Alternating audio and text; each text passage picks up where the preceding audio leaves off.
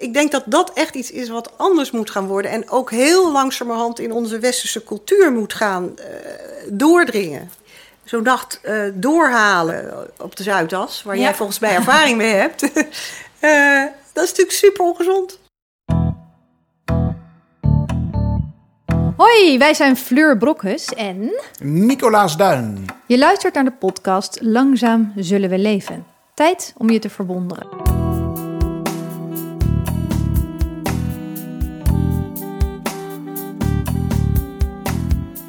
Al jaren gaat het in de wereld sneller, groter, beter. Steeds meer consumptie, CO2-uitstoot, burn-out.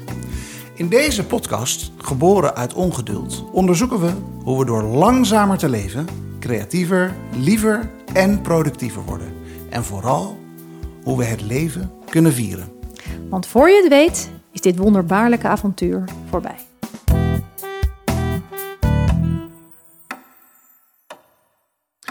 ...2021. Een nieuw jaar, nieuwe kansen. Zeker. En na een behoorlijk heftig jaar, op alle fronten voor iedereen, denk ik. Precies, denk ik dat iedereen wel blij is dat we nu eh, weer een, nieuwe, een nieuw jaar krijgen met nieuwe tijd. Ja, tijd, ons centrale onderwerp. Eh, thema van deze podcast. Eh, nou, in januari zijn natuurlijk de dagen kort. Ja, en de nachten lang. Dus dat betekent alle tijd om te slapen. En daar gaat het over vandaag. Precies, en dat zou Judith Schmid, KNO-arts, onze gast van vandaag, die zou dat wel heel graag willen dat we dat gingen doen. Heel veel slapen. Eh, ja, omdat eh, we slapen te weinig. Ja, en slaap, dat is dus geen verloren tijd, zegt Judith. En zij kan er heel goed over vertellen waarom dat zo is. Klopt, je doet het een derde van je leven, slapen. Eh, ja, en waarom is dat nou zo belangrijk? En vooral, wat gebeurt er dan allemaal? Wat gebeurt er met je lichaam als je aan het slapen bent? En ja, dat is fascinerend wat er dan allemaal aan de hand is. Dus Daar gaan we het over gaan we naar luisteren. Hé, hey, Nicolaas, nog eventjes. Ben jij een ochtend- of een avondmens? Eh, ik ben echt een, eh, een avondmens. Ja? Ja, jij? Ik ben meer een ochtendmens. Het komt ook omdat mijn kinderen eh, mijn natuurlijke wekkers zijn. Die gaan af tussen vijf en zeven ongeveer. Maar daardoor dwing ik mezelf om op tijd naar bed te gaan. En dat is ook precies... Kan je ze niet wat anders afstellen? Dat ze gewoon twee uurtjes later afgaan? ja, kan je mij vertellen hoe ik dat doe? Eh, nou, misschien moeten ze later naar bed, of niet? Hmm, hebben we wel eens geprobeerd. In de zomer waren ze op een gegeven moment echt om half elf wel eens naar bed gegaan. En dat is super laat voor kleine kinderen. Maar toen gingen ze gewoon om zeven uur weer uit bed. Ja, ja, nou ja, daar gaat natuurlijk ook het gesprek van vandaag over. Dat er weinig aan te doen is aan die biologische klok. En eh, eh, nou, ze kan er fantastisch over vertellen. Dus we halen Judith erbij. Judith Smit. Veel plezier. Welkom, welkom in onze studio. En onze studio is vandaag een beetje verbouwd. Hè. Normaal zitten we boven, eh, maar dat is wat dicht op elkaar. Dus nu beneden, eh, microfoons in de kamer neergezet. En de deur staat lekker open. eh, want met een KNO-arts moet je extra voorzichtig zijn als het aankomt op, op corona, toch? Zeker, we moeten heel voorzichtig zijn. Ja. Ja, ja. Nee, je vertelt net ook wel dat, je, dat het voor jouw werk sowieso ja, toch wel heftig is. Wat je allemaal meemaakt nu. Ja, eh KNO-arts, het virus zit in de neus en in de mond. Dus wij moeten wel echt eh, voorzichtig zijn. Dus we werken met eh, bescherming, uiteraard. En met de deuren open en handen wassen, handen wassen, handen wassen. Ja. Ja, nou hier dus ook. Dus af en toe hoor je een brommer of een vrachtwagen langsrijden buiten. Zoals nu een brommer. Die is er niet ingeplakt door mij later. Die, die rijdt echt langs. Maar dat maakt het extra levendig. Ja, we gaan het hebben over slaap. ja. Hoe, waarom gaan we het eigenlijk hebben over slaap? Hoe ben jij daar zelf in terechtgekomen? Nou, ehm, stoornis in slaap is een onderdeel van het, van het KNO-arts zijn. Maar ehm, eh, er is steeds meer bekend over slaap. En ehm, daar waar iedereen weet dat het heel gezond is om veel te bewegen en gezond te eten, weten heel veel mensen niet dat slaap van deze drie misschien wel de belangrijkste is. Dat het, een, eh, het hebben van een goede, gezonde slaap enorm belangrijk is voor eh, je lichamelijk welbevinden en je geestelijk welbevinden. En eh, enorme consequenties heeft als dat eh, verstoord is. Dus ehm, eh, dat is, het hebben van een goede slaap is heel erg belangrijk. En hoe ben je daar zelf in die wereld terechtgekomen? Nou ja, ehm, wij, zien, wij zien patiënten met slaapapneu, obstructieve slaapapneu. Dat is een, eh, een, een ziekte. Nee, nee, maar ik bedoel veel meer eh, eh, waarom je zelf dit werk bent gaan doen. Oh, hoe ik KNO-arts ben geworden, Ja. bedoel je? Oh ja. Nou, ik ben lid van de KNO-maffia. Mijn vader was KNO-arts, mijn broer is KNO-arts, mijn uh, manneskanoarts. Uh, en in mijn tijd was het zo dat, ja, kanoarts is een snijdend vak. Uh, dus toen ik begon was het nog zo dat de snijdende vakken, dat was voor mannen. Dat was niet voor vrouwen weggelegd. Dus toen ik in opleiding kwam, was ik met twee andere vrouwen in heel Nederland in opleiding tot kanoarts. Ja, en het is een fantastisch vak. Ik zou het zo weer doen. Het was eigenlijk ook helemaal geen keuze, omdat de hele familie het al deed. Nou, eigenlijk wilde ik het juist niet om die reden. Maar um, uh, uiteindelijk ja, kruipt het bloed toch waar het niet gaan kan. Ja. Dus jouw kinderen zijn automatisch dan ook KNO-artsen? Nee, met mijn, mijn zoons niet. Die zijn, uh, dat zijn Delftenaren. Technische natuurkunde, wiskundige kant van natuurkunde, onbegrijpelijk moeilijk voor mij. Uh, mijn dochter is, as we speak, net afgestudeerd, geneeskunde. Oh, oh, ja. oh wel dus uh, in, de, ja, in die, ja, ja. En, dat uh, moet dus kennelijk bij jullie zij, zij wil, uh, ja, zij wil ook die kant op. En ze is ook super handig, dus dat moet ze ook echt doen. Ze is, ze is er super geschikt voor. Hey, en Judith, ik ben heel benieuwd. Wat gebeurt er eigenlijk in ons brein als we slapen? Ja, slaap heeft een gezonde slaap, heeft een prachtige architectuur. Kijk, wat moeder natuur voor ons heeft bedacht, mooier dan dat krijgen we natuurlijk niet. Dus je bent je bent nog wakker, dan ga je naar bed. En als het goed is, val je dan binnen een minuut of twintig of zo in slaap. Um, en dan ga je een aantal cycli van 90 minuten door. Dus een gezonde slaap heeft uh, een aantal cycli van 90 minuten. En dan bij voorkeur um, rond de 8 uur. En daar waar heel veel mensen denken dat ze best met 5 of 6 uur uit kunnen, nou, dat is, dat is echt, echt niet waar. Zoals Trump bijvoorbeeld. Ja, nou heel veel groten der aarde uh, zeggen dat ze uh, zoveel extra tijd hebben dat ze daardoor allerlei dingen kunnen doen. Maar als je kijkt hoe Obama verouderd is in hele korte tijd, gewoon als je naar zijn foto's kijkt, met al het slechte slapen en al zijn jetlags. Uh, nee, we, we, moeten eigenlijk eh, rond de acht uur slaap hebben. Dat is, inmiddels is dat heel erg duidelijk. En dat geldt dus voor iedereen? dat, dat, geldt in principe voor iedereen, ja. Uh, en ik weet dat er veel mensen zijn dat het, die denken dat het niet waar is. Voor, voor, dat het voor hun niet geldt, maar dat is niet zo. Maar heb je niet dat iedereen een persoonlijk slaapvoorkeur nou, dat, valt, dat blijkt dus enorm mee. Ja, wel een slaapvoorkeur in de zin van avond- of ochtendmens, maar... Um, de, de, de cycli moet je gewoon doorlopen. En die, dus je hebt x keer een aantal, hè, dus vijf of zes keer anderhalf, anderhalf uur. Dus je bent wakker, je valt in slaap en dan kom je in het gedeelte van je niet-remslaap. En dat gaat in drie, vier stadia. Stadium 1, dat is dus oppervlakkiger en dan langzamerhand. En dan na ongeveer drie kwartier, dus ongeveer op de helft van die cyclus van 90 minuten, zit je in je diepe slaap. Dan word je weer oppervlakkiger, dus van je, van je stadium 4 naar stadium 3, stadium 2, stadium 1. En dan komt de remslaap, de rapid eye movement slaap. Nou, dat kan je bij je partner ook wel gewoon zien, of bij, of bij je kinderen. Dan zie je dat de ogen uh, heel snel heen en weer gaan onder de oogleden. Uh, dat is een heel ander stuk, stuk van onze slaap. Um, en die verschillende slaapstadia hebben verschillende uh, functies voor, uh, nou ja, natuurlijk voor je lichaam, maar ook vooral voor het brein. En daar is inmiddels heel veel onderzoek gedaan. Nou, als je nou naar die non-rem-slaap kijkt, um, dan is het zo dat in dat stadium alles wat jij de hele dag hebt meegemaakt, alle, alle, alle, nieuwe ervaringen, alle emoties, alles wat je hebt geprobeerd te leren. Een nieuw stuk op de piano. Ik zit hier naar een prachtige vleugel te kijken.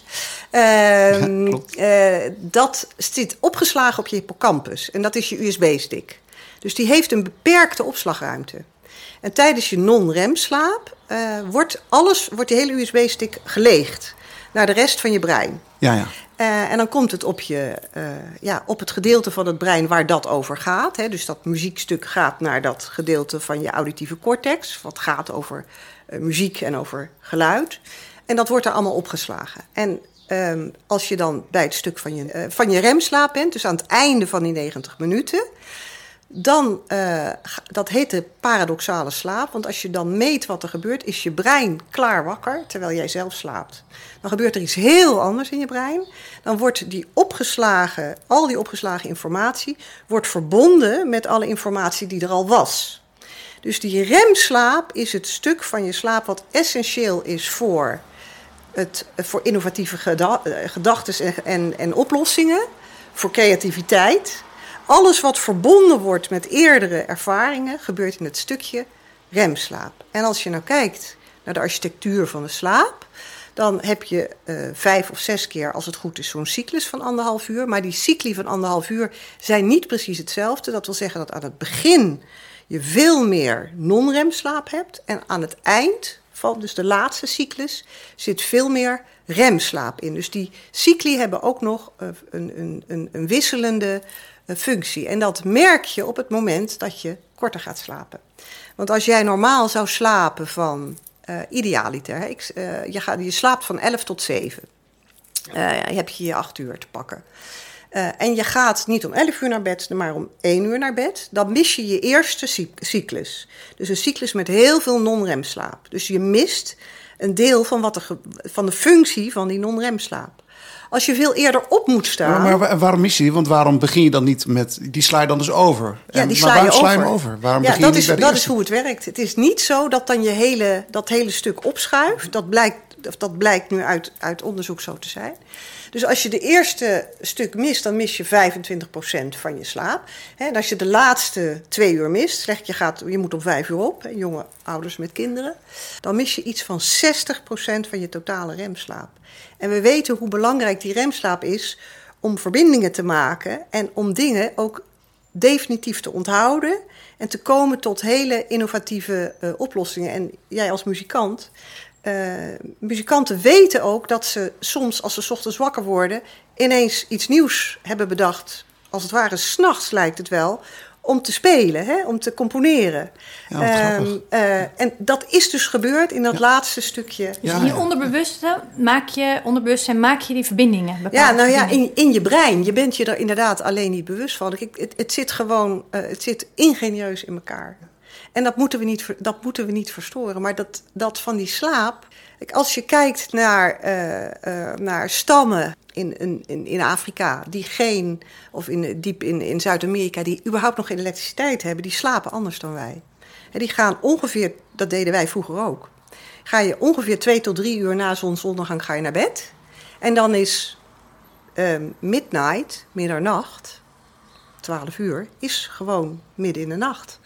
Dat is voor velen van ons het moment om nog eens even je laatste mails te checken.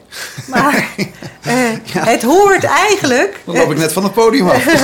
nou, het grappige is, ik, uh, ik heb in, uh, in Dubai gewoond en toen werkte er iemand uit Sri Lanka bij ons, twee jaar. En zij, ik had toen net een baby gekregen, een tweede. Ja.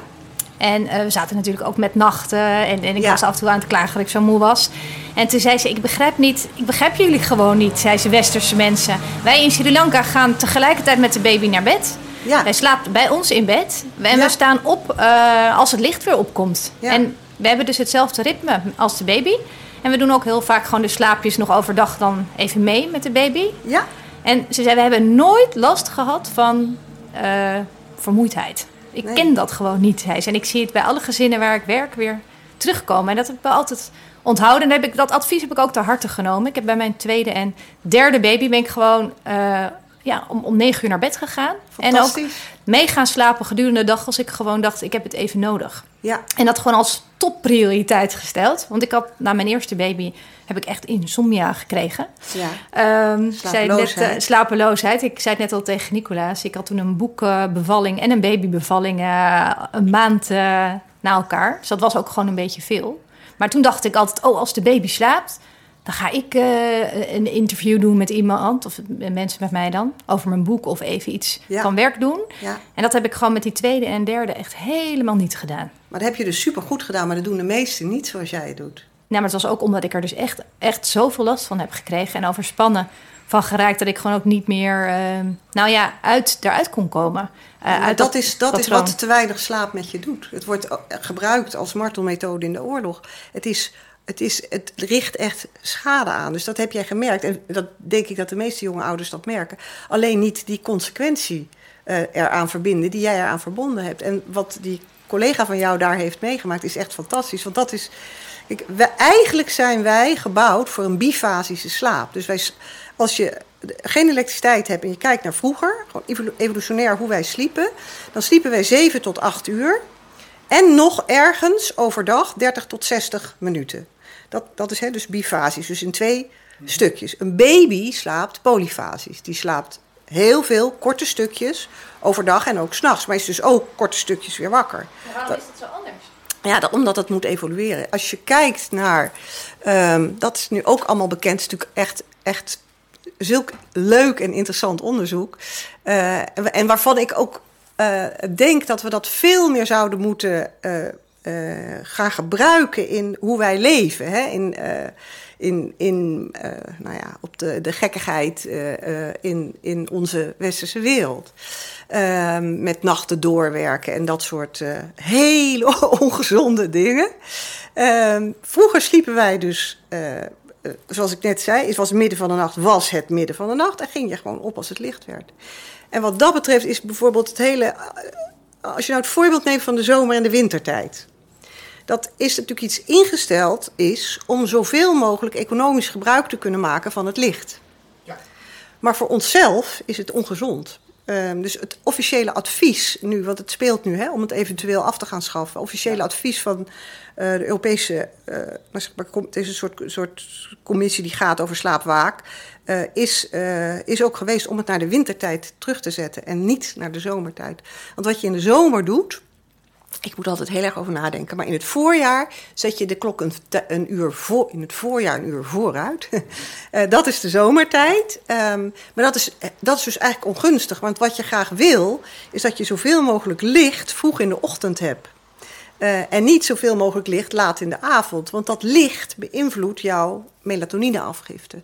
En dat, dat brengt dus meteen je slaap in de war. Meteen. En ook niet, je krijgt ook minder snel een prikkel van ik moet gaan slapen, denk ik. Hè? Het is verleidelijker om nog een drankje in de tuin te blijven doen. Ja. Smiddags slapen kwam ook even langs. Wat is daar dan e- een extra functie van? Nou ja, dat, zo zijn we eigenlijk evolutionair zijn wij eh, gewoon zo opgebouwd. Hm? Dus um, een siesta, mm -hmm. dan, dan ben je niet lui. En dan hoef je je ook niet schuldig te voelen. Dan doe je iets heel gezonds. Dat is natuurlijk volledig weg in onze westerse wereld. Dat is overigens niet helemaal waar. Want bij Google heb je overal slaapcabines. Ja, en ik Daar... doe het elke dag. Hè. Ik mediteer elke dag een half uur. En soms ja. val ik er tien minuten of twintig daarna in slaap. En dan een mega reset voel je dan. Hè. Ja, dus jij zegt van, ja, bij Google promoten ze dat ook. Maar doen ze dat dan ook? Ja, medewerkers. Ja, Wat, is, uh, wat is het? Uh, het ja, dat is eigenlijk hoe wij gebouwd zijn om te slapen. Dus dan kom je, um, als je 7 tot 8 uur slaapt per nacht en je ja. doet die half uur tot een uur er nog bij, dan kom je dus aan die eigenlijk uh, ruim 8 uur slaap die we nodig hebben om lang en gelukkig, gelukkig en gezond te en leven. Wat, wat gebeurt er dan in dat, want je vertelde dat het eigenlijk steeds meer verandert, dat het de eerste anderhalf uur anders is dan de laatste anderhalf uur? Ja. Qua opslag. Ja, het is ook niet precies hè, anderhalf uur, maar grof, ja. grosso modo. Ja. En als je dan ook nog die uh, siesta erbij pakt, wat gebeurt er dan? Ja, er is, is, dat een totaal er andere? Uh, er is een onderzoek gedaan bij, uh, in Griekenland, waar mensen natuurlijk altijd een siesta hadden. Hè. Daar staat gewoon, in al die mediterrane landen, van 1 tot 4 zijn we dicht. Um, op geen moment voor de toeristenindustrie zijn ze open gegaan. En daar hebben ze die, mensen hebben ze zes jaar lang gevolgd. En daar zag je het aantal hartinfarcten en uh, nou, andere dingen die je, die je kunt krijgen van te weinig slaap, uh, waren meteen al aanwezig. Ja, ja. Dus het, is, het, het, effect is, is echt groot. En aangezien wij, in, ja, zoals wij leven, uh, hè, jij kunt dat dan misschien bij jouw werk wel doen, maar de meeste mensen kunnen natuurlijk niet een siestaatje doen in hun werk. Dus je, dan is het des te belangrijker om s'nachts je uren te pakken. Maar dan nu misschien in de coronatijd. Uh, had ik dat idee van dat je dat makkelijker kunt doen omdat je thuis werkt. Ja. En dan je lunchpauze misschien iets verkort. En dan maar toch zit daar ook iets, iets uh, onnatuurlijks in. In het, wat je net vertelde, dat het, is dan, het wordt donker. Dat is het moment om te gaan slapen. En dan is het midden in de nacht het, uh, echt donker. Ja. Maar juist overdag is natuurlijk het, het ja, meeste het is, licht van alles. Ja, het is dus, even, even bijtanken, is het dan blijkbaar. Nou ja, het is gewoon hoe we gebouwd zijn. Maar daar lijkt toch iets onnatuurlijks in te zitten. Dat je op het lichtste moment van de dag dus juist niet wakker bent, maar gaat slapen. Ja, ja dat weet ik niet wat je nu vraagt. Dat is wel een grappige. Um, dat weet ik niet waarom, waarom het zo gebouwd is. Maar dit, dit is wel hoe we eigenlijk evolutionair uh, daaruit kwamen. Maar je voelt het wel, toch? Heb jij nooit ja, ja, na de lunch ja, een, een after-lunch dip? Of uh, rond ook, een uur of drie of ik zo? Ik doe het bijna nooit, maar als ik het doe, dan heeft het meteen... Een, ik snap het effect dat dat wel dat het kan... Hoewel, ik heb wel dan vaak daarna dat ik me moe voel. De rest van de... Dan, maar dat is met name met, met opstaan dan weer. Dan wil ik gewoon blijven. De en het, rest is, het is wel grappig wat jij zegt, want we noemen het after lunch dip, maar als je niet eet, krijg je het ook. Uh, dus het, oh ja. het, heeft te maken, ja, dat is dus heel grappig. Uh, daar heeft het dus blijkbaar. We dachten dat het daar hè, van. Want je weet ook wel als je s'avonds heel laat een enorme maaltijd hebt, dat dat hè, uh, lastig is. Maar dit, dit heeft dus niks met lunch te maken. Of met eten te maken. Mensen die niet eten, krijgen ook die after lunch dip. Grappig, hè?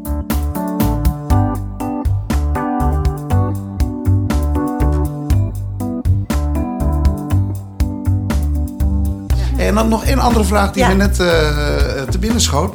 Namelijk, je vertelde redelijk precies wat er allemaal gebeurt in al die stadia. Ja. Hoe weet je dat? Hoe, kom je daar, hoe kan je dat onderzoeken? Ja, wat je doet is je beplakt iemand met allerlei elektrodes en dan kun je zien wat er met de hersengolven gebeurt. Eh, en dan kun je ook nog iemand in een functionele MRI schuiven. En dan kan je nog zien welke gedelen- delen van het brein oplichten en aan het werk gaan. Dus zo weten we bijvoorbeeld van alles over die, eh, wat er in de puberteit gebeurt. Ja. Eh, want dat is, ook wel, dat is echt wel. Kijk, de slaap verandert. ehm, dit is de architectuur, maar die is niet je hele leven hetzelfde. Ehm, als, als foetus, als baby in de buik, eh, slaap je eigenlijk gewoon de hele tijd. Eigenlijk de hele tijd. Tot, tot het allerlaatste eh, trimester van je zwangerschap, dan is een baby twee of drie uur wakker. En als moeder denk je dan dat die baby wakker is al eerder, want je voelt zo die trapjes van zo'n voetje en, en, zo'n handje. Eh, maar dat zijn nog onwillekeurige bewegingen. Dat is bijna niet dat ze wakker zijn. Ze zijn maar twee of drie uur wakker. Ehm, en het bijzondere is dat de laatste twee weken van jouw zwangerschap, dus voor, voor de geboorte, zitten eh, bij een normale voldragen zwangerschap, heeft een baby alleen, bijna alleen nog maar remslaap. Dus je hebt, er is geen periode in je leven waarin je zoveel remslaap hebt, die droomslaap, die rapid eye movement slaap, als in dat gedeelte eh, van je leven. En waarom? Omdat dat het is waarin al die neuronale verbindingen gemaakt worden. Dus dat, dat brein moet natuurlijk opgebouwd worden. Dus eerst leggen ze in, in het begin wordt, het, wordt soort de structuur aangelegd. En dan moeten die verbindingen nog gemaakt. En dat gebeurt in die laatste twee weken. Nou, dan wordt die baby geboren, dan krijg je die polyfasische slaap. En dan, eh, nou ja, dan een kind van negen gaat dan zeg maar om een uur of negen naar bed, idealiter. En dan een kind van 16, ja, dan heb je een probleem.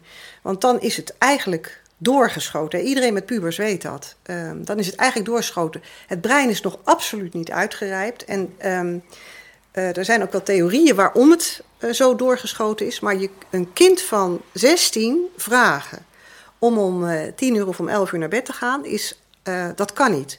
Zijn, ehm, de, melatonine eh, gaat op een ander moment bij die kinderen omhoog. Dus zij kunnen eigenlijk pas drie uur later in slaap vallen. En dus ook pas drie uur later weer wakker worden ehm, dan wij. Eh, en dat is heel, eigenlijk vind ik dat e- echt ontzettend jammer, want daar, die research is al heel erg lang bekend. Ja? Ik ben daar toen mijn, en mijn kinderen zijn nu ehm, eh, van de middelbare school af, eh 27, 25 en, en eh, 20. Eh, maar ik ben toen wel eens gaan praten op de middelbare school, want ehm, deze, deze research is al lang bekend.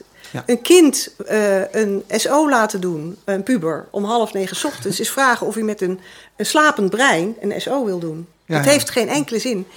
En als je die kinderen hetzelfde onders- eh, SO laat doen om 11 uur ehm, 's ochtends, halen ze veel betere cijfers. Dat is namelijk hun brein pas wakker. Ongelooflijk. En dat ze later pas in slaap vallen heeft dan niet te maken met smartphones en Ja, dat, is, dingen? dat is, licht? smartphones is natuurlijk wel iets wat voor ons allemaal geldt. Maar gewoon hun ritme is zo dat zij niet in slaap kunnen vallen. Al zouden ze het willen. Ze hebben daar echt enorme moeite mee. Het is hetzelfde dat ik aan jou vraag of jij om zeven uur 's avonds naar bed wil gaan. En wat zou daar, vallen. wat dat zou gaat daar jou niet lukken. Nou, soms zit ik met mijn voor kinderen. ik het best wel lekker hoor.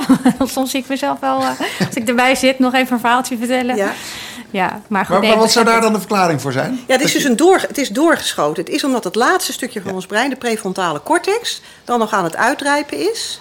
Ehm, eh, het, het is gewoon nog niet, het is gewoon nog niet helemaal klaar. Ja. En het idee, je, probeert natuurlijk voor alles een verklaring te vinden. Ja. Evolutionair is dat eh, die eh, kinderen moeten op een gegeven moment loskomen van hun ouders en ehm, onafhankelijk gaan worden. Dat is natuurlijk een langzaam proces. Dus toen we vroeger nog in, de, in grotten leefden, ehm, eh, was dat, werden, hadden ze dus een aantal uur, terwijl de rest van de tribe sliep. Eh, eh, dus dat een, een soort van voorzichtig, een soort van veilig eh, paar uur om alvast te gaan functioneren zonder hun ouders. Dat is het idee. Ja, ja. Ehm, en, en uiteindelijk is dat, dat die prefrontale cortex is iets van rond je 23ste of zo pas klaar. En dan gaan jongvolwassenen naar het normale, dus wat wij, hè, het, het volwassen ritme toe. Maar en dat, dat voorzichtige, dat brengt me op eh, een hele andere vraag die, die ik nog Ja. eh, in mijn hoofd had. Namelijk het snoezen. Het bekende snoezen, dat is, hè, dat is niet zozeer voor pubers, maar in het algemeen het voorzichtige wakker worden en toch nog even doorslapen. Ja. Eh, wat kan je daarover vertellen? Ja, dat is, ehm, dat is bijna altijd in een, in een remslaapstukje. Dus je zet, de, eh, je zet de wekker Ja, en dan word je wakker. En dan, dan druk je hem in en dan gaat hij tien minuten later Ja. weer. Nou, in die remslaap, dus die paradoxale slaap, eh, daar, daar heb je geen tijdsbesef. Dus je, eh, je droomt dan nog even verder. Je bent nog even verder bezig met al die, al die verbindingjes maken met vroegere emoties en vroegere ervaringen. Ehm, en dan word je tien minuten later van de, van de wekker weer wakker. En dan in je, in je gevoel, eh, en ook als je je droom weet, kan dat wel een uur zijn geweest. ja. Dat is, dat is omdat dat meestal in een remslaapstukje is. Omdat dit laatste stuk zoveel remslaap heeft. Ja. Ja, En dus is dat, is- eh, eh, dus die aan te raden of moet je dat juist helemaal niet doen? Is het gewoon opstaan? Ehm, dat weet ik niet. Ehm, aan te raden is zoveel te slapen... eh, dat je 's ochtends eh, uitgerust op kunt staan. Eh, ja. Eh, Maar dan nog, zelfs als je lekker uitgerust opstaat, dan word je ook soms lekker op je gemakje wakker op een zondagochtend of een zaterdagochtend. Ja, ja nou, ik, ik denk dat daar helemaal niks op tegen is. Nee. Ik denk dat we heel erg af moeten van het idee dat eh, slapen of wat jij hebt gedaan met je kinderen, eerder naar bed of eh, eh, middagslaapjes voor drieën, na drieën, dan gaat het een beetje dat in slaap vallen later op de Ja, avond precies. weer Ik, ik verstoren. doe het altijd eh, eh, Voor drieën. Zeg maar, nou, nou, nou, liefst nog voor half twee. Ja, ja nou, dat, dat is allemaal prima. Eh, ja, ja, moet je, we, moeten, we, moeten gaan, dat, we moeten dat eh, omdenken. Dat moet gewoon worden. Dat, kijk, je vindt het ontzettend goed als iemand gezond eet en heel veel beweegt. En nu moet je denken, fantastisch, hij of zij eh, pakt zijn slaap. Ja. Dat is, ik denk dat dat echt iets is wat, wat anders moet gaan worden. En ook heel langzamerhand in, ons, in onze westerse cultuur moet gaan eh, doordringen. Want die, die, zo'n nacht eh, doorhalen eh, op de Zuidas, waar Ja. jij volgens mij ervaring mee hebt, dat is natuurlijk super ongezond. Nee, heel ongezond. En, en mensen denken misschien in het begin dat ze er niet zo'n last van hebben en ook wel tegen kunnen. Ja. Ehm, en dat is misschien ook wel anders als je 20 bent eh, dan Zeker. als je 40 bent. Maar Fleur, hoe deed jij dat als, eh, toen je op de Zuidas werkte en inderdaad die nachten doorhaalde? Of heb je dat nooit zo gedaan? Nou, het was meer. Ik zat op een eh, andere sectie en wij deden het. Ik had niet echt veel te maken met Amerikaanse cliënten, want Ja. daardoor gebeurt het dan vaak Zeker, door het tijdverschil. Ehm, dus, dus ik had in die zin geluk. Ik denk dat ik het anders ook niet twee jaar had uitgehouden op de Zuidas als ik dan meteen eh, nacht had moeten, moeten doortrekken. Maar andere, anderen deden dat eh, wel en die, dat zag ik dan. Maar ik, ik dacht altijd van ja, dat kan gewoon niet gezond zijn. Maar was het niet zo dat het ook een beetje als cool werd beschouwd? Heel cool. Ja. All-nighters, ja. Ja, Ja, en, er was ook zo'n waarom... taxi die, dan, eh, die bracht je dan naar huis. Dan kon je even douchen en die bleef voor de deur wachten. Ja, en maar dan er bracht weer was ook een bed gewoon op kantoor. Daar kun je ook blijven slapen. Dus eh, Maar wat is er nou eigenlijk cool? Waarom, het is wel interessant, en waarom eh, eh, wordt dat als cool gezien? nou, dat, je, de- dat je maar door kunt gaan. Dat je heel sterk en stoer bent. S'avonds Ja, dat jij niet man. omvalt. Ja. Maar is dat niet in het ziekenhuis ook? eh, artsen die maar doorgaan? ja, nou in het ziekenhuis is het natuurlijk wel een beetje ehm, eh, een probleem in die zin dat ehm, kijk, mensen zijn 24-7 ziek. En eh, laten we zeggen, voor verpleegkundigen zijn er nu zijn er natuurlijk allemaal shifts bedacht. Hè. Later is dat ook voor bijvoorbeeld eerste hulpartsen en IC-artsen en zo eh, gekomen. Dus dan acht uur op eh, en dan weer. Maar dat is dan telkens een opschuivend ritme. Maar eh, goed is het natuurlijk niet. Ehm, er, is ook gewoon onderzoek dat ehm, chirurgen en anesthesisten... die dus heel veel s'nachts hun bed uit moeten...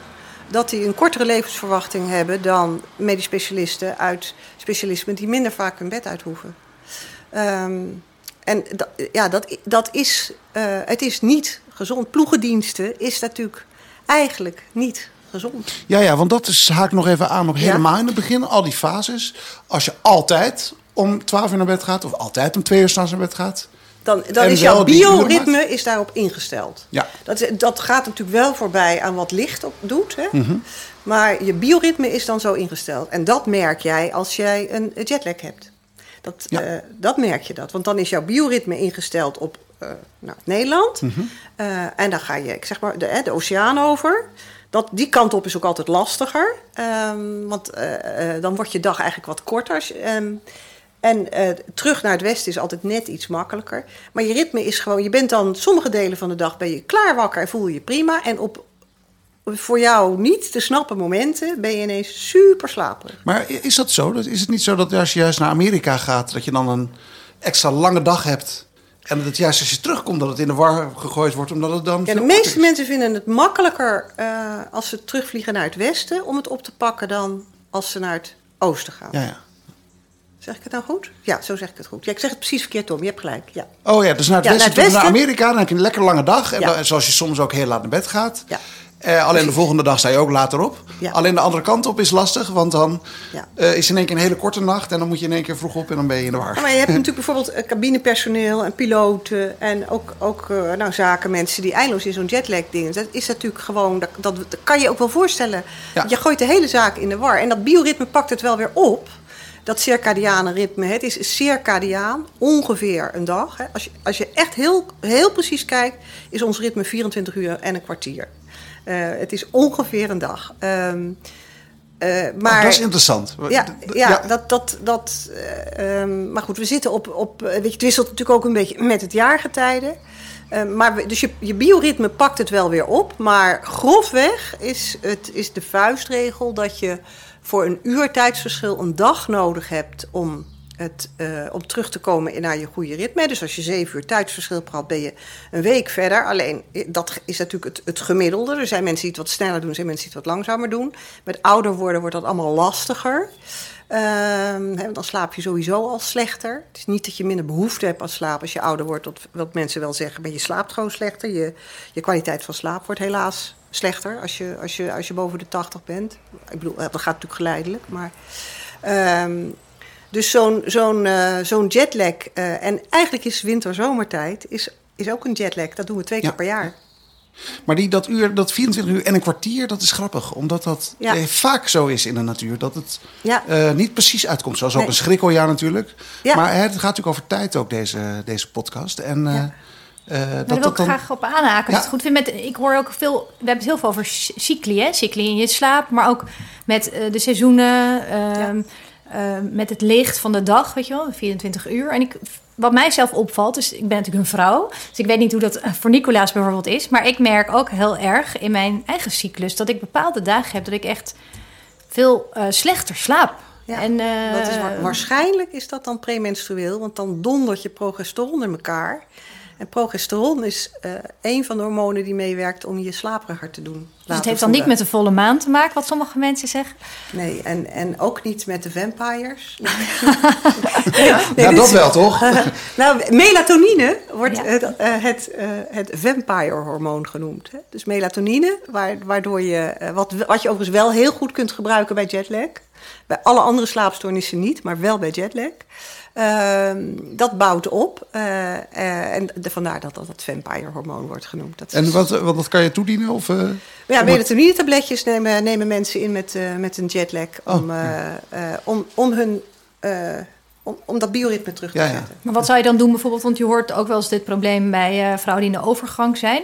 Ja. Wat zou je die dan aanraden om dan te nemen? Ik heb bijvoorbeeld zelf vind ik magnesium in die premenstruele fase prettig om te nemen. Ja, dat weet, daar, ik ben geen gynaecoloog, daar weet ik niks En dat van. kan natuurlijk ook tussen mijn oren zitten, hè, dat, ik dat, dat ik dat prettig eh, vind. Ja. ja, hier haak ik natuurlijk ook af. nee, dat snap ik. Maar heb je... Nou ja, dat, ja, Nicolaas, je haakt nu af. Maar ehm, eh, ehm, als mannen en vrouwen samen slapen, is de, de, je hebt ook een, een bifasische temperatuur hè, in je gewone eh, hormonale cyclus. Mannen nemen die aan van vrouwen als ze daar iedere nacht mee slapen. Dat is eh, echt, vind ik, is, is echt super bijzonder in de natuur. Oh ja, Eh, is dat zo? Ja, ja, En dat is andersom niet? Nee, nee ons, wij zijn natuurlijk eh, dwinger daar dan. Maar je hè. hoort ook zoveel verhalen van vrouwen die dan op een gegeven moment in een eigen kamer gaan liggen. Omdat ze niet meer naast een man willen liggen. Omdat ze zo last krijgen van slaapproblemen. Nou, kijk, die overgang is natuurlijk wel, dat is wel echt een dingetje, dat is wel echt een dingetje apart. Ehm, eh, A is je zakje progesteron, dus het hormoon waar, wat helpt om je slaperiger te doen voelen. Je oestrogeen zakt ook. Ehm, eh, die zorgt juist meer voor, diepe sla- voor, voor, het, voor, voor het doorslapen en je remslaap. Heeft hij een invloed op. Maar ehm, vrouwen krijgen natuurlijk eh, opvliegers. En de een meer dan de ander. Maar opvlieger, dan gaat je temperatuur omhoog. En dat gebeurt ook, ook s'nachts. Ehm, terwijl als je gaat slapen, je temperatuur juist omlaag gaat. Dus eh, vrouwen die. eh, je geeft, het lichaam krijgt een soort dubbele boodschap. De temperatuur gaat omhoog, dan zou je normaal wakker moeten worden. Dus dat maakt het ook lastiger om eh, te slapen. Het zijn meestal allemaal dingen overigens die wel weer overgaan. Maar het is wel disrupting. Ja, je, je, het is wel vervelend. Je slaapt natuurlijk echt slechter.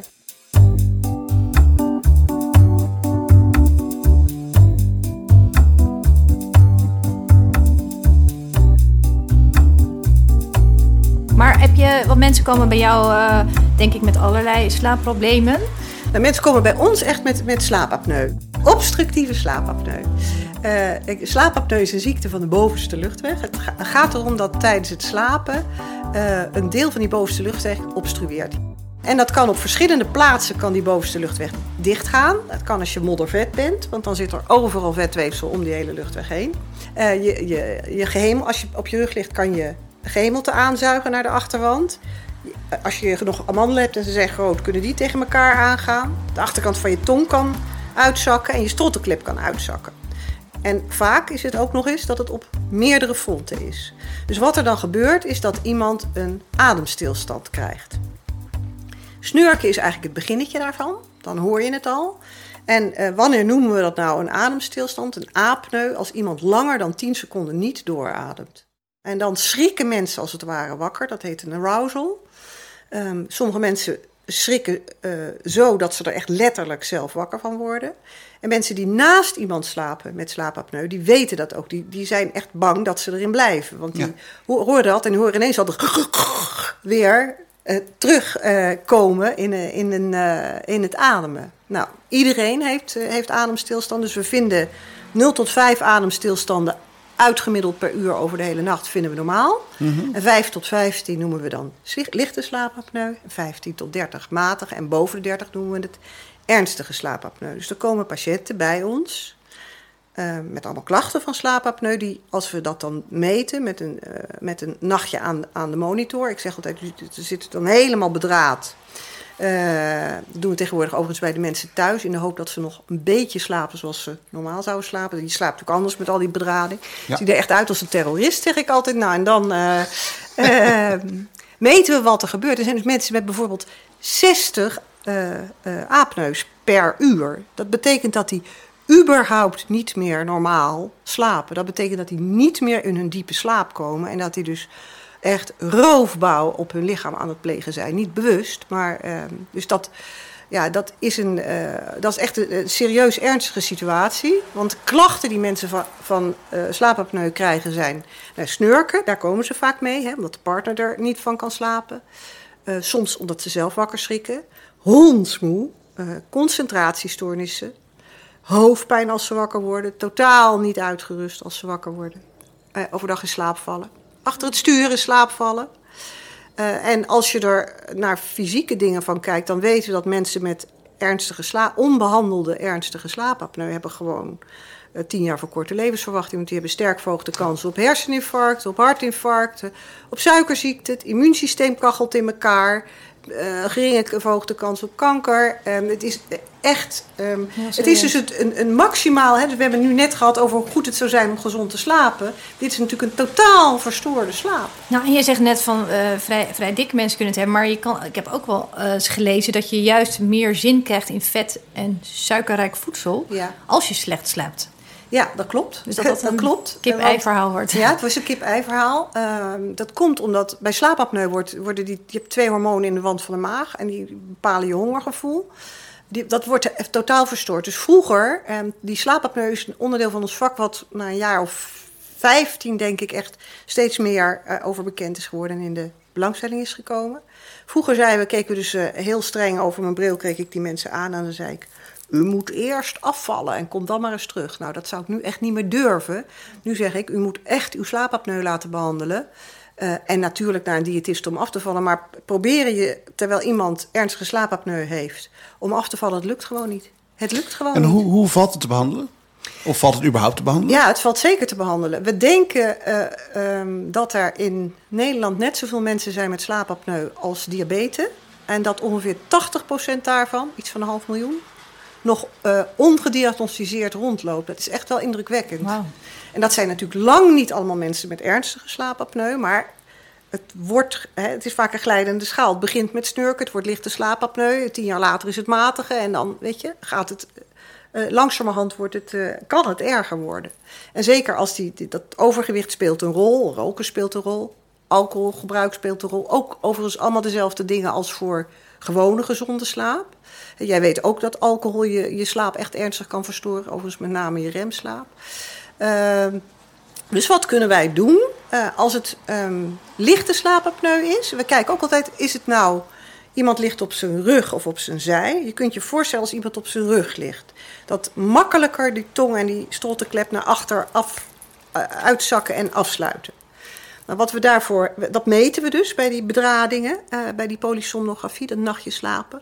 En dan um, is er een apparaatje, uh, een aantal jaar op de markt, ook in Nederland gelukkig voor goed, door de ziektekostenverzekeraars. Dat is een soort bandje wat je omdoet met een klein computertje daarin. En die meet of je op je rug ligt of op je zij. En dan geeft hij een trilling af, zoals bij je, bij je mobiele telefoon. En dan zijn het ook nog verschillende, zodat je er niet meteen aan kan wennen. En de meeste van onze patiënten leren dan om naar hun zij te draaien zonder wakker te worden. Want dat is de essentie. Precies. Dus wat we vroeger deden, um, uh, uh, tennisbal in je pyjama naaien. Er zijn, als je op internet kijkt, de meest fantastische vesten bedacht. Met soort haaien, vinnen en god nog weten wat. Zodat mensen niet op hun rug slapen. Maar ja. als die dan terugdraaien, worden ze wakker. Ja.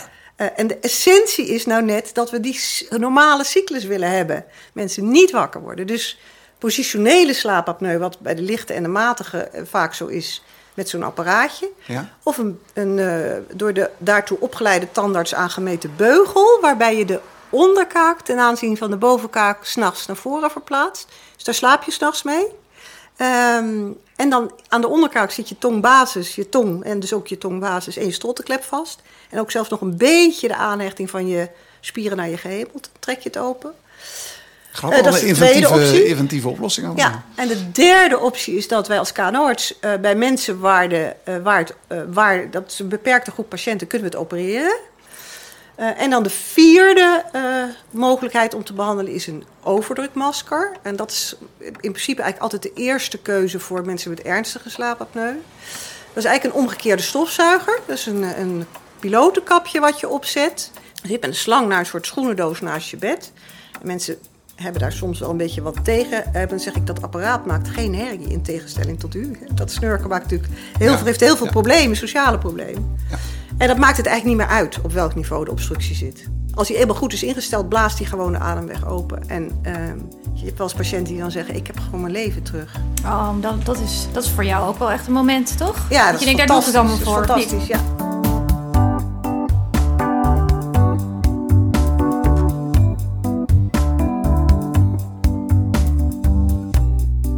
jij zegt van nou, je, je leeft korter als je slechter slaapt.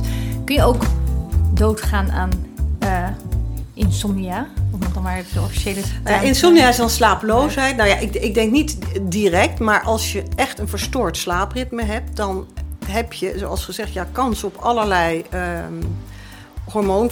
Als je een week uh, uh, anderhalf uur per nacht te kort slaapt, gaat je suikerspiegel al stijgen. Dus je hebt, je hebt echt verhoogde kans op, uh, dat zei ik net geloof ik, op, op mm, hartinfarct. Ja. Op, want het maar heeft invloed op je vaten. Die, want als je het direct hebt in de zin, als je, je kan dus op een gegeven moment 10 seconden geen adem halen. Ja, of langer. Ja, hè? Mensen hebben mensen die 60 seconden niet ademen. Ja. Maar daarin zou je, als je dat nog langer duurt, natuurlijk ook kunnen stikken. Nee, dat gebeurt niet, want je krijgt wel zo'n arousal. Zo'n, hè, dus op een gegeven moment je, je, je, CO2 bouwt zich op, dus je hersenen geven wel weer de, de, de, de impuls af dat je, dat je uh, wakker moet schrikken. Uh, dat je moet ademen in ieder geval. Er is een hele zeldzame ziekte, maar dat, ik heb daar nog nooit iemand mee gezien, maar daar heb ik over gelezen. Dat is een genetische aanleg. Het zijn mensen die ergens in hun midlife beginnen met slecht slapen en dan uiteindelijk niet meer kunnen slapen. En dat hou je die zijn binnen 1,5 jaar dood. Je kunt natuurlijk niet als je helemaal niet nou, meer slaapt. Dat, dat... Dat, dat, is mijn vraag. Maar ik, ik, stel mezelf dan gerust, omdat ik dus zelf zo'n last heb, heel erg last heb gehad van slaaploosheid. Ja. En nu nog steeds, maar door een heel vast ritme en door meditatie. En ik heb nu ja. Hè, uh, aantal tools die ja. ik toepas. En, en ja. dat komt dan, daardoor gaat het eigenlijk wel redelijk goed. Maar ik, heb, ik, ik stel mezelf dan altijd gerust, ook al s'nachts als ik wakker, wel eens wakker nog, nog lig. Van mijn lichaam haalt de slaap vanzelf in. En dat vind oh, ik een heel fijne gedachte. Maar, jij hebt, het, jij hebt het voor jezelf ingesteld met zo'n middagslaapje. Dus dan haal je natuurlijk wat in. En um, we weten ook wel dat als je een hele nacht overslaat en je meet wat er gebeurt in de nacht daarna, dat dat een andere slaap is. Dus dat het lichaam veel meer diepe slaap pakt en veel meer remslaap. Dus dat zijn blijkbaar dan toch de meest essentiële. Uh, uh, omdat, uh, ja, zoals jij het noemt, om een soort inhaalmanoeuvre te maken. Ja, maar wat je, de andere, Grappig wat dat je lichaam dat dus ook dan weer kan... Dat is dus ook wel gelukkig ook zo. Ja. ja, maar veel belangrijker is natuurlijk wat jij zei, dat je um, de tools pakt om gewoon net zoals je ja, want dat twee is keer in de week gaat sporten, ja. moet je natuurlijk ook gewoon zorgen dat je goed slaapt. Ja, en als ja. mensen zeggen, ja, maar dat is leuk gezegd, maar mijn leven, ik moet zoveel, ik moet en, en een baan en kinderen en ik heb een sociaal leven ja. en, en, en ik doe nog een studie of een hobby en nou, het past gewoon niet in mijn week. Wat, zou, wat zeg jij dan tegen die mensen? Ja, dat, ik, ik begrijp dat natuurlijk. Ik heb het natuurlijk zelf ook allemaal, allemaal gehad en ik zeg die dingen allemaal heel verstandig tegen mijn patiënten, maar um, wij kunnen er zelf natuurlijk ook nog af en toe een puntje aan zuigen. Hè? Het, uh, um, het kan, wat, je, wat die mensen doen, uh, dat, uh, dat kan natuurlijk wel, maar daar, is, daar betaal je een prijs voor. Ja, dus je daar bewust van zijn en dan denk je, nou dan ligt mijn prioriteit dus niet bij mijn gezondheid. Nee, nou, ik denk dat, dat je wil natuurlijk heel graag alles door diezelfde poort pluggen. Maar uh, er zijn gewoon, het zijn allemaal fases, met die kinderen ook. Dat heb ik zelf natuurlijk ook allemaal meegemaakt. Op een gegeven moment gaan die kinderen beter slapen en... Uh, uh, heb je weer meer tijd voor andere dingen. Uh, ja, want je zal maar mensen met huilbaby's hebben die zeggen... ja, ik, ja. ik kan niet slapen nu. Hè? Mijn oudste was een huilbaby. Dus wij hebben, het, wij hebben dat gehad. Wij reden rondjes om de ring Amsterdam om de beurt in de auto... want dan was hij stil. En um, nou, dan, dan parkeerde je voor de deur. Dan was hij stil, dan sliep hij. Dan deed je de motor uit. En dan sliep hij. Dan deed ik de deur open. En dan begon het weer. Ja. Nou, dat is echt killing. Dus dan moet, je, dan moet je je leven gewoon aanpassen. Dan moet je uh, uh, om de beurt in het weekend gaan slapen. Of de, je moet je afspraken over maken. Of familie inschakelen. Het, het, het gaat, dat, gaat, uh, dat gaat natuurlijk zijn tol eisen. Ja, en dat je er daarna nog twee hebt gekregen. Ja, dat, absoluut, absoluut. Dat is ook weer de natuur, hè? Ja, maar in, dus in het gewone bestaan, hè, over jouw insomnia... Um, wat ik denk echt heel veel mensen wel herkennen... Uh, kun je natuurlijk een aantal dingen doen. Um, nou ja, dat is uh, op tijd naar bed gaan. En dat is, dat, dat, die knop moet echt om. Dat is, dat is echt ingewikkeld, want het is natuurlijk dat je het gevoel hebt... Um, nou, deze is van mijn kinderen... FOMO, die fear of missing out.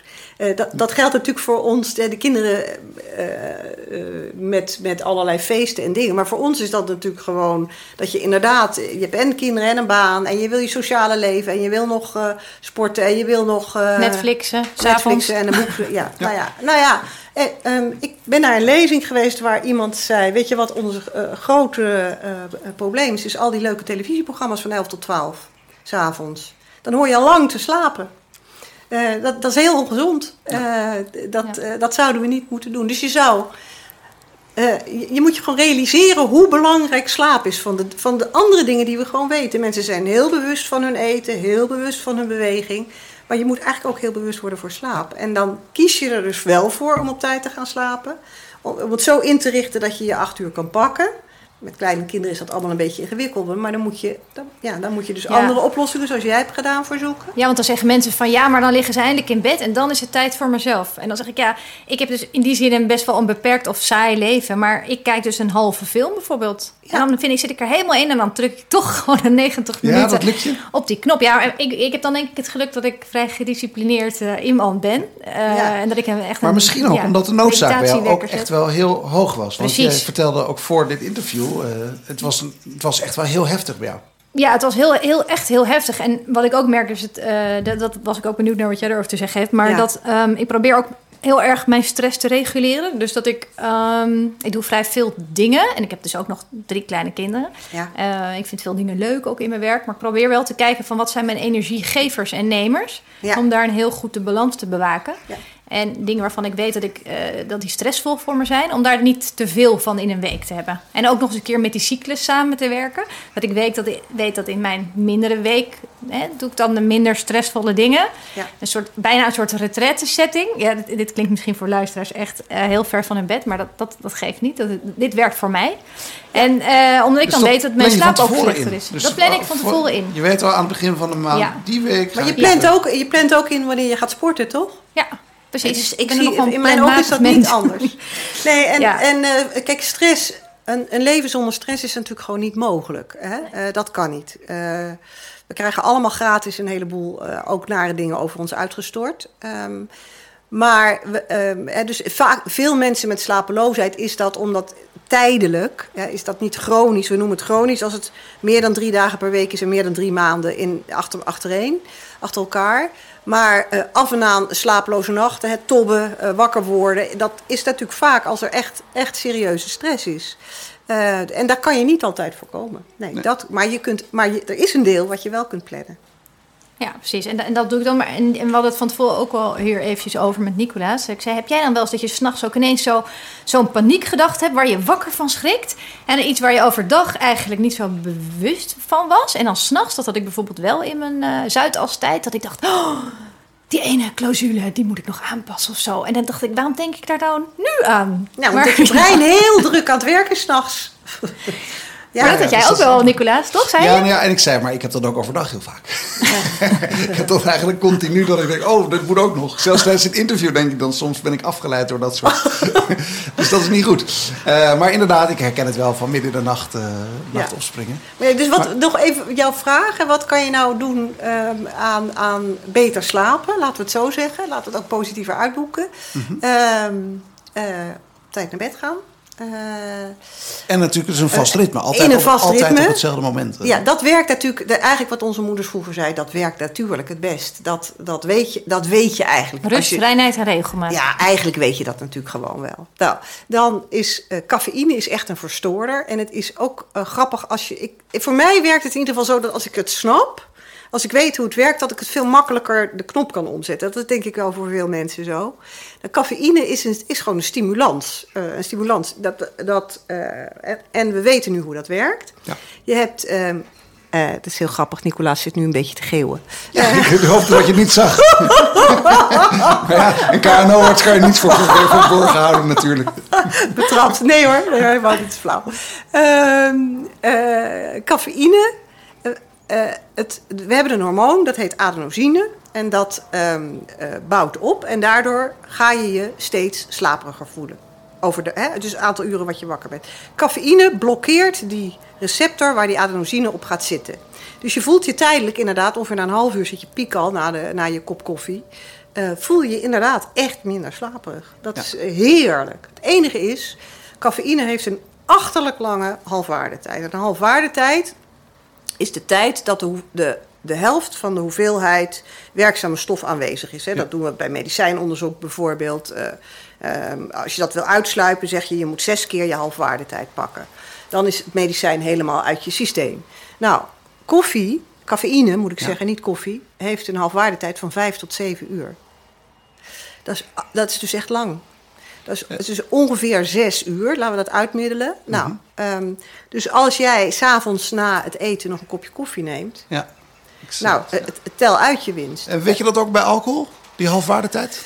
Nee, dat weet ik hem niet. Dat maakt ook wel, bij alcohol denk ik ook wel echt wel uit. eh, eh, dat maakt de een en de ander. De een kan natuurlijk veel meer alcohol verstouwen eh, dan de ander. Maar ehm, bij alcohol is het zo dat je, ehm, dat verstoort echt je, je remslaap. Je wordt er ontspannen van, daarvan zou je beter slapen. Maar het verstoort je, je hele rems, je hele, je hele slaapcyclus. Eh, en dat weten mensen ook wel. Je wordt, je wordt vaker wakker. Je moet ook vaker je bed uit om te plassen. Eh, dat is ook een van de dingen waarom oudere mensen slechter slapen. Die, kunnen, eh, die moeten vaker plassen. Dus je moet ook niet nog enorme hoeveelheden gewoon water tot je nemen voordat je gaat slapen. Want ook daar, dat, dat verstoort het. Maar weer. dat slaapmutsje, dat gaat dus niet echt op. Wat Nee, dat is dus zeggen. echt. Om, kijk, dat is dan. de- de- alleen eh, kun je het zien als, als een soort. Weet je, om je, om je stress weg te nemen. Maar ja, als je dat chronisch doet, helpt dat natuurlijk ook niet. En dan is het ook eh, interessant, vind ik, dat. eh, eh, dan heb je de decaf, is daarvoor op de wereld gebracht. Hè? Nou, Ja. dan, dan neem ik wel een kopje decaf. Er Ja. zit 15 tot 30 procent cafeïne in een decaf kopje. Dus als je vier decaf kopjes op hebt, heb je gewoon weer een kop koffie gedronken. Eh, dus dat, dat werkt maar gedeeltelijk. En dan zit er cafeïne in donkere chocola, wat veel mensen doen na het eten. In de meeste soorten thee. ehm, in sommige ijs, heb ik gelezen, zit cafeïne. Nou, dat, is, dat, doen de meeste mensen denk niet heel vaak na het eten. Ehm, Nou ja, als toetje. En cola, en cola natuurlijk. Ja, ja, ja, natuurlijk. ja, ja. En, en, en fanatiek sporten. Je, je denkt misschien ik word moe van sporten, maar het kan je ook onwijs eh Ja, oppeppen. je moet toch? eigenlijk twee tot drie uur voordat je naar bed wil niet meer enorme inspanning eh, leveren. Want dan sta je gewoon nog veel te hoog afgesteld. Ja. Ja.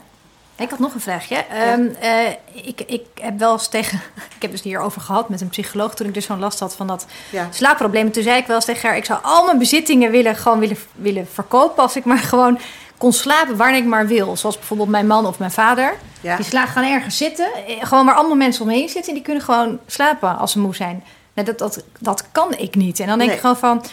Wel, ten eerste waarom niet? En ik heb twee keer narcose gehad in mijn leven. En dat vond ik, nou, vond ik te gek. Ik dacht, je zou maar gewoon narcose gewoon thuis hebben. En dan als je echt denkt, ik kan Ja, niet dat- slapen. Dat dacht Michael Jackson ook. Nee, daarom, dat is natuurlijk ook continu. En je bent ook heel, merkt ook al heel moe eh, de, de week na de narcose. Dus ik vroeg me af twee vragen van hoe kan het nou dat ik nou dat niet kan en zij wel overal ja, slapen? we zijn natuurlijk toch, toch niet allemaal hetzelfde gebouwd. Nee. En, en van wat doet narcose dan? Is dat een soort slaaptoestand? Ja, maar narcose is natuurlijk een beetje ingewikkeld. Je bent en in slaap en je moet geen pijn hebben. Ehm, dus dat, dat is de, de combinatie. Je, wat je wil is dat mensen zich niet bewust zijn van wat er gebeurt en geen pijn hebben. En je hebt natuurlijk ook plaatselijke narcose, plaatselijke verdoving, waarbij je alleen de pijn niet hebt, maar je wel bewust bent van wat er gebeurt. Maar narcose is niet een oplossing voor mensen die drie weken lang maar anderhalf uur hebben geslapen Nee, en helemaal ten einde raad zijn dat je denkt van nou die gaan we en even- slaapmiddelen ook niet. Nee, je moet echt rigoureus je, eh, ehm, je slaaphygiëne aanpakken. De overgrote merendeel van, van ons heeft, heeft het probleem dat we te laat naar bed gaan en te, te weinig uren pakken. Is dat dan ook wat je eigenlijk gewoon de, de, de maatschappij gunt? Van, eh, Ja. En denk je dat coronatijd daaraan kan bijdragen aan meer rust nemen?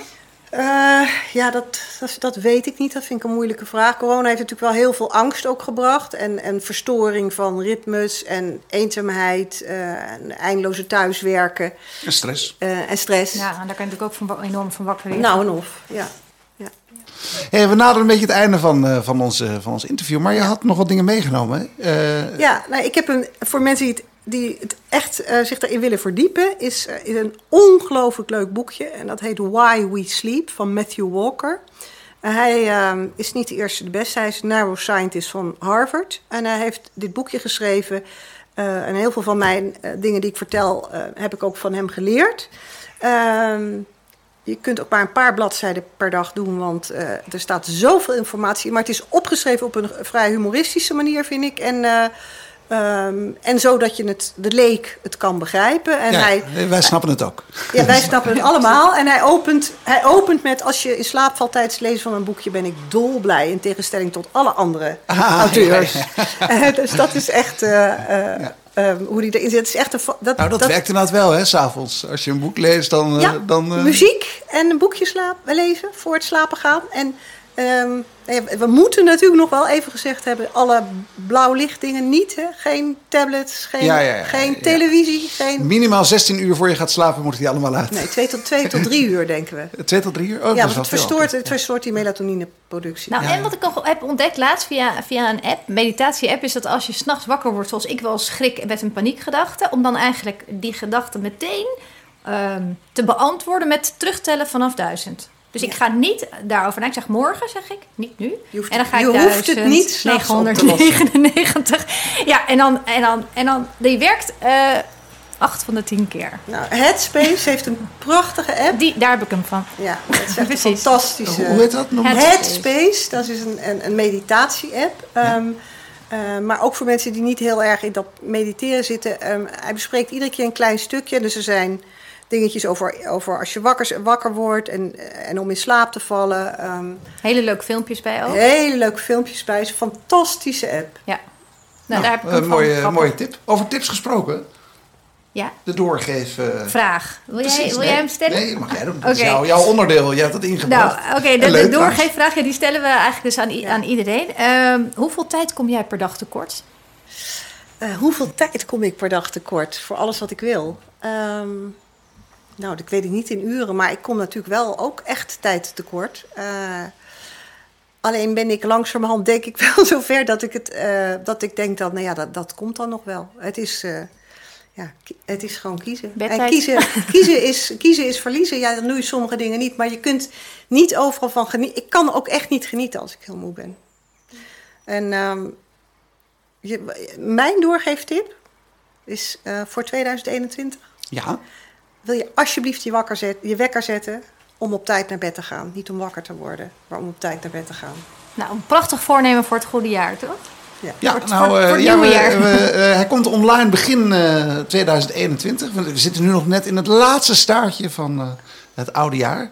Eh, maar daarna komt hij dus eh, online. Maar ja, je kan natuurlijk ook zijn dat mensen dit pas in maart of februari... of, eh, of veel later, ergens in de, in de zomer pas luisteren. Maakt natuurlijk niet uit. Dan nog steeds geldt die tip. Alleen dan niet voor het nieuwe jaar, maar gewoon per direct.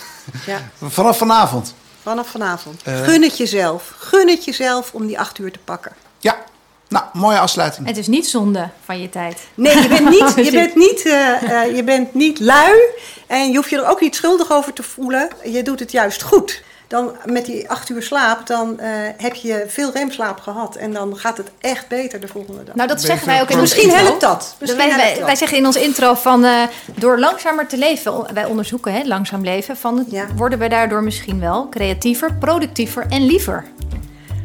In, nou, in ieder geval door voldoende te slapen word je zeker creatiever. En ook zeker liever. Ja, ik ben, Ja. ben niet altijd Nee, heel erg eh, ja, enthousiast als ik eh, doodmoe ben. Dus eh Nee, het wie zal wel voor meer, meer mensen gelden. Ja, precies. Dus nou ja, mooi. Dankjewel. Dank. Graag gedaan.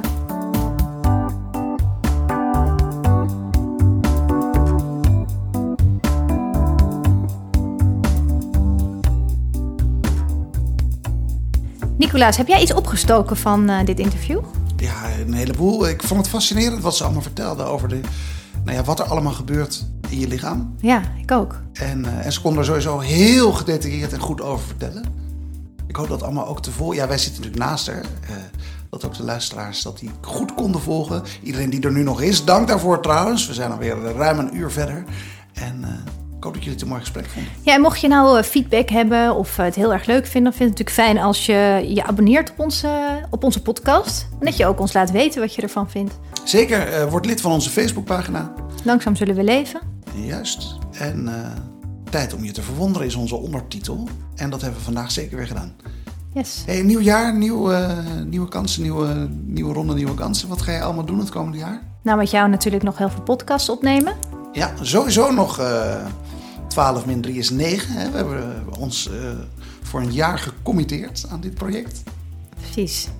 En voor de rest kijk ik altijd heel graag eh, wat er op mijn pad komt. Ik vind het altijd leuk, dat doen we altijd tot het eind van het jaar. Te kijken van wat had je nou aan het begin van het jaar nooit verwacht. En nu zijn we weer op zo'n begin van het jaar.